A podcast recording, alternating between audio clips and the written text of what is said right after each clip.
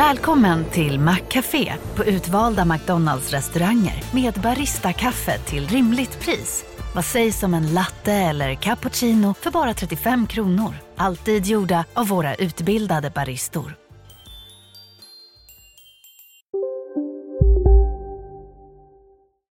Hej och välkomna till Lisa läser. Det är jag som är Lisa. Idag lyssnar ni på del 4 av När tomten föll ner från himlen. Ben sprang rakt över den mörka gatan och öppnade grinden. Misstroget såg han sig omkring men kunde inte upptäcka några snöskotrar.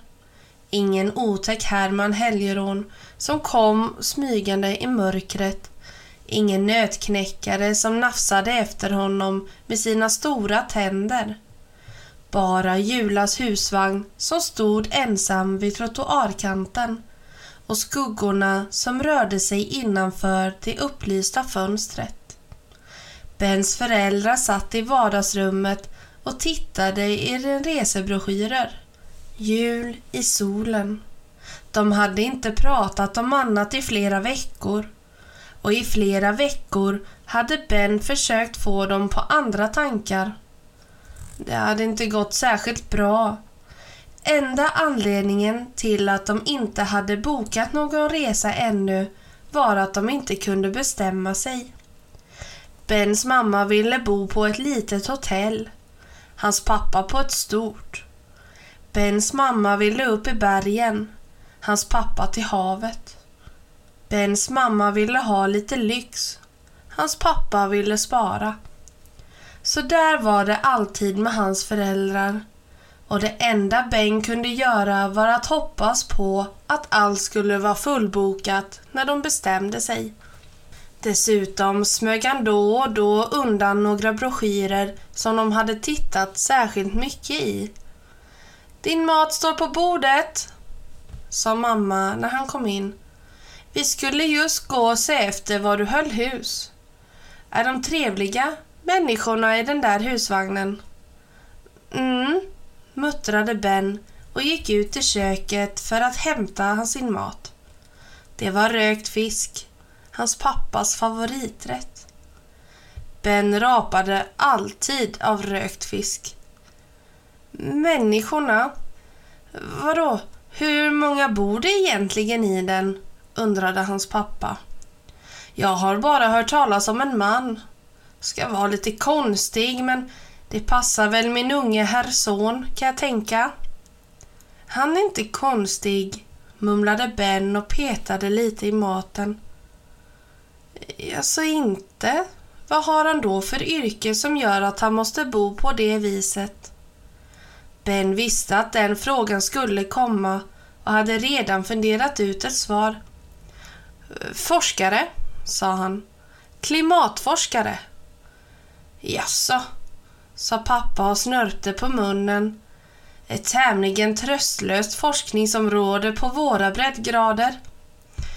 Ja, ja, jag föreslår att du överlåter klimatet åt denna expert och att du själv ägnar dig åt att forska i dina läxböcker. Bens mamma tog nästa broschyr ur jättehögen på soffan. Men visst sa du något om att det var flera stycken, Ben? Ben stoppade in en bit rökt pigghaj i munnen. Det är en gammal tant där också. Och det var ju inte helt osant. Prata inte med mat i munnen, sa hans pappa utan att se på honom. En gammal tant? Bens mamma tittade misstroget på honom. Så hon bor också i den lilla husvagnen? Så liten är den väl inte, mumlade Ben. Hans mamma rynkade pannan men fördjupade sig återigen i resebroschyrerna. Jag tänker inte åka med, sa Ben. Det är klart du gör, muttrade hans pappa. Jag tänker inte åka med, sa Ben sammanbitet. Men Ben, det där har vi ju ältat tusen gånger minst. Irriterad slängde hans mamma broschyren på bordet och tog en ny. Jag vill inte höra talas om det igen. Vi måste helt enkelt komma bort ett tag. Framförallt komma bort ifrån det här vädret, muttrade Bens pappa. Ben hade en hemsk känsla i magen. Han kunde inte sätta ord på den hur han än försökte. Han hade aldrig tyckt om julen. Att sitta ensam med föräldrarna framför TVn på julafton var inte särskilt kul. Men här hemma kunde han i alla fall sticka över till Willy om det blev för långtråkigt. Det hade varit hans räddning förra året. Men se inte sån ut, sa hans mamma. Tänk bara, inga besök hos släkten på julafton. Ingen faster Vilma som pussar dig. Ingen farbror Ernst som klappar dig på axeln. Det är väl inte så dumt? Och jultomten då? Frågade Ben och ställde ifrån sig den halvtomma tallriken på bordet. Följer han med till solen? Haha, sa hans pappa. Mycket lustigt min herre. Vem är det som alltid kommer med elaka kommentarer varje gång vi beställer hit en jultomte? Sist ryckte du av honom skägget, minns du inte det? Äh, han, det var ju ingen riktig jultomte. Ingen riktig?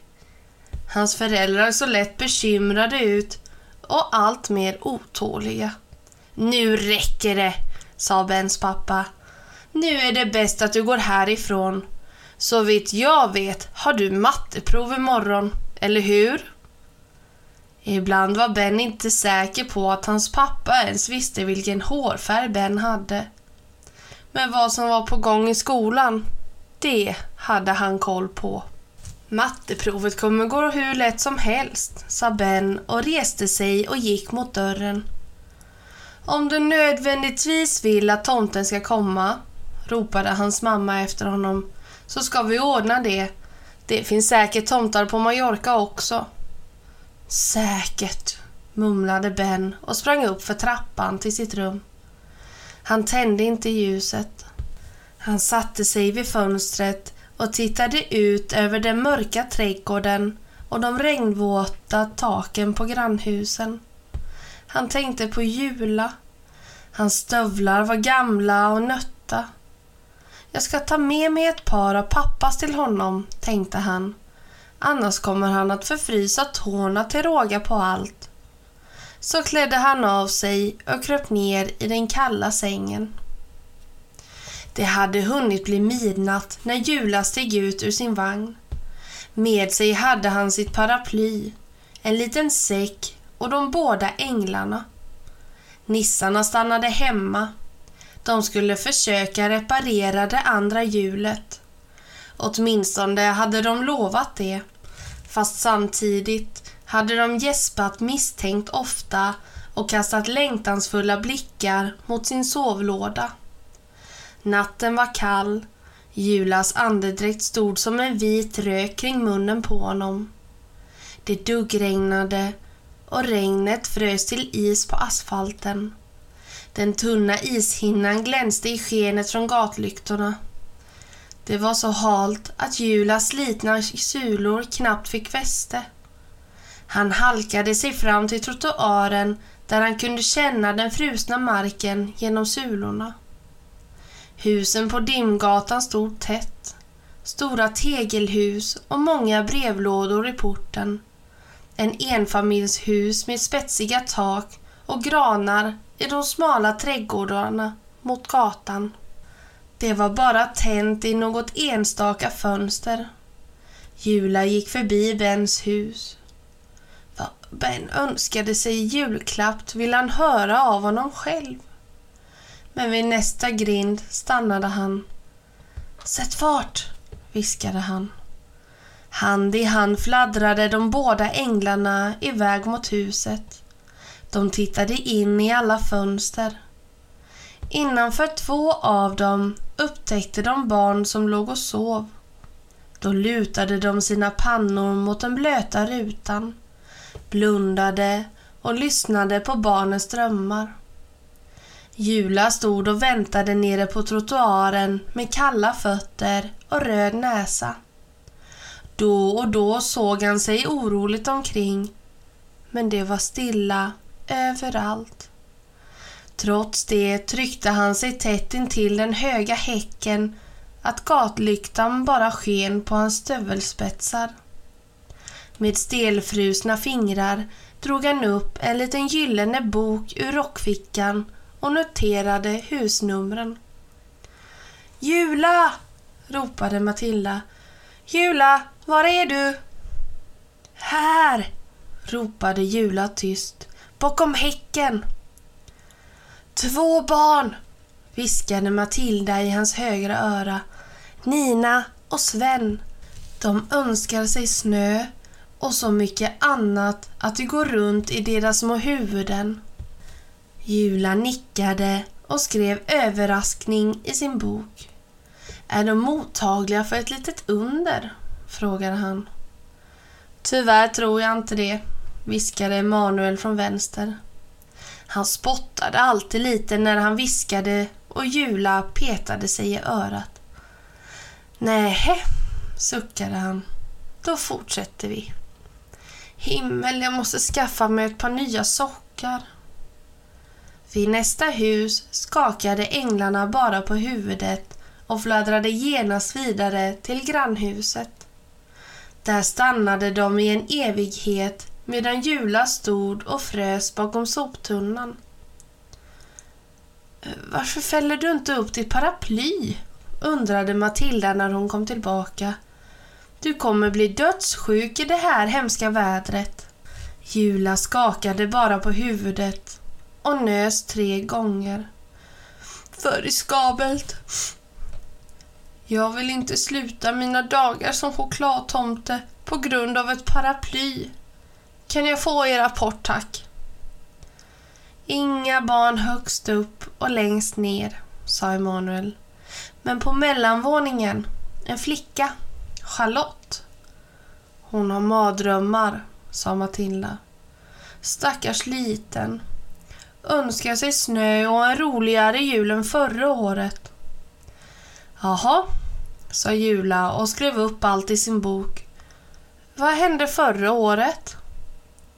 De flyttade, sa Emanuel. Inga kompisar, ingen mormor, utanför och ensam.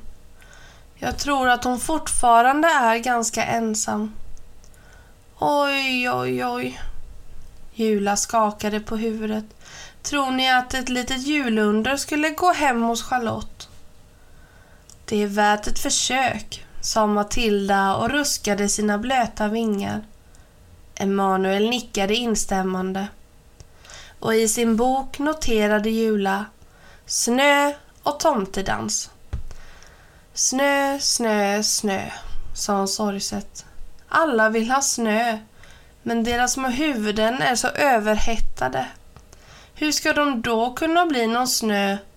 Och till råga på allt gick snömaskinen sönder när vi damp ner här.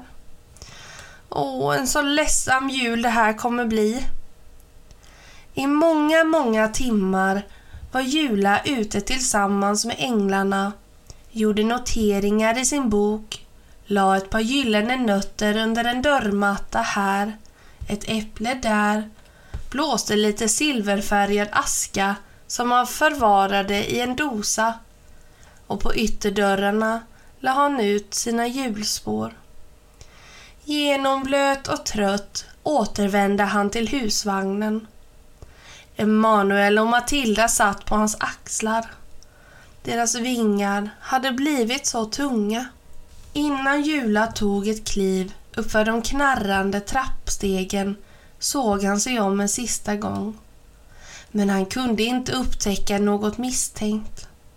Där stod ingen bil parkerad vid trottoaren. När Herman Helger och hans jultomtar skulle in i en stad körde de inte snöskoter utan bil. De hade stora silvergrå bilar med en stjärna längst fram på motorhuven. Nej, någon sån bil syntes inte till. Jula spetsade sina kalla öron, men inte ett spår av stjärnskott heller. Ingen fuktig mule som nosade på hans rockficka. Hur skulle han ta sig därifrån utan renen? Elden i kaminen höll just på att slockna.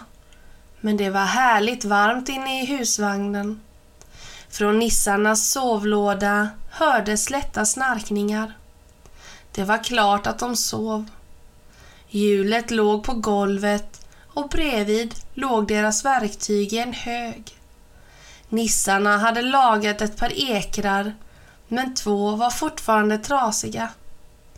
Åh, dessa latmaskar, grälade Matilda.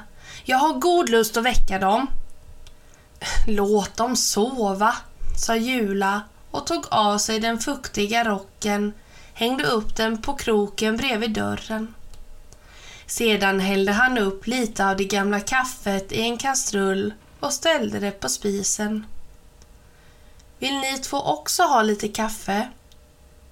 Nej tack, sa Matilda. Förresten så är det inte nyttigt. Hon gäspade och fladdrade upp till Emanuel ovanpå skåpet. Godnatt, Jula. Sov gott, svarade han och sjönk ner på sin säng och tog av sig den blöta tomteskägget.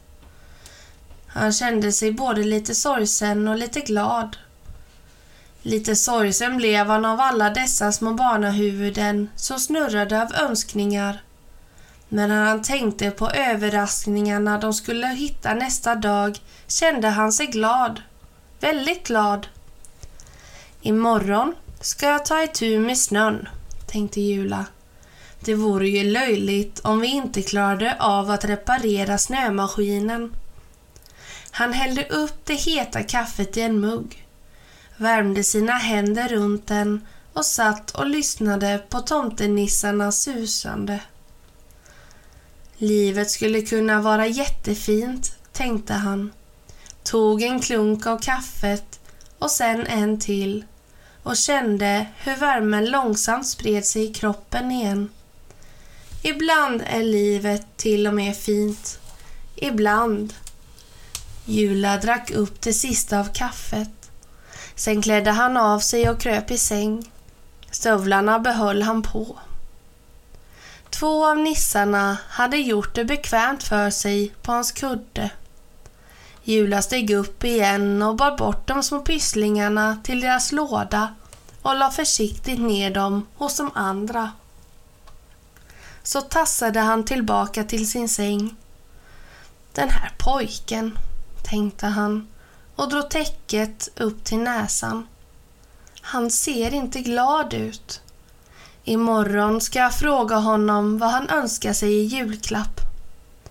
Imorgon. Ja, imorgon. Var kan stjärnskott hålla hus? Tänkte han också. Säkert någonstans där det finns mycket att äta. Och så somnade äntligen Niklas Jula. Och snipp, snapp, snut så var denna lilla del slut.